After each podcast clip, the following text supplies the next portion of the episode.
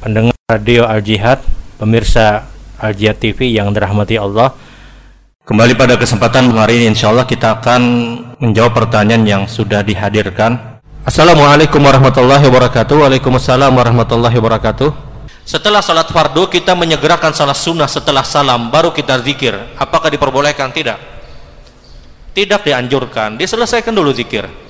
Karena itu aturan yang diatur Nabi Shallallahu Alaihi Wasallam. Fakhiru huda huda Rasul Shallallahu Alaihi Wasallam. Sebaik-baik petunjuk-petunjuk yang datang dari Rasul Shallallahu Alaihi Wasallam. Ingat, zikir Subhanallah, Alhamdulillah, Allah Akbar yang 33, 33, 33 itu tempatnya setelah sholat fardu, bukan setelah sholat sunnah.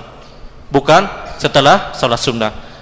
Jadi istighfar tiga kali, Allahumma antas salam, kemudian dia membaca zikir-zikir yang lain, kemudian dia masuk yang subhanallah, alhamdulillah, Allah akbar, yang 33, dia tutup dengan la ilaha illallah wa la syarika la mulku wa wa ala kulli syai'in qadir.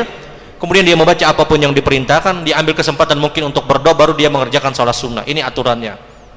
Apakah boleh langsung dia misalnya menempatkan zikirnya di akhir setelah sholat sunnah? Tidak ada tuntunan dari Rasul Sallallahu Alaihi Wasallam. Karena zikir selesai sholat sunnah hanya batasannya istighfar tiga kali, astagfirullah, astagfirullah, astagfirullah. Allahumma antas salam wa minkas salam, tabarak tayyadul jalali wal ikram. Pian masuk masjid, tahiyatul masjid.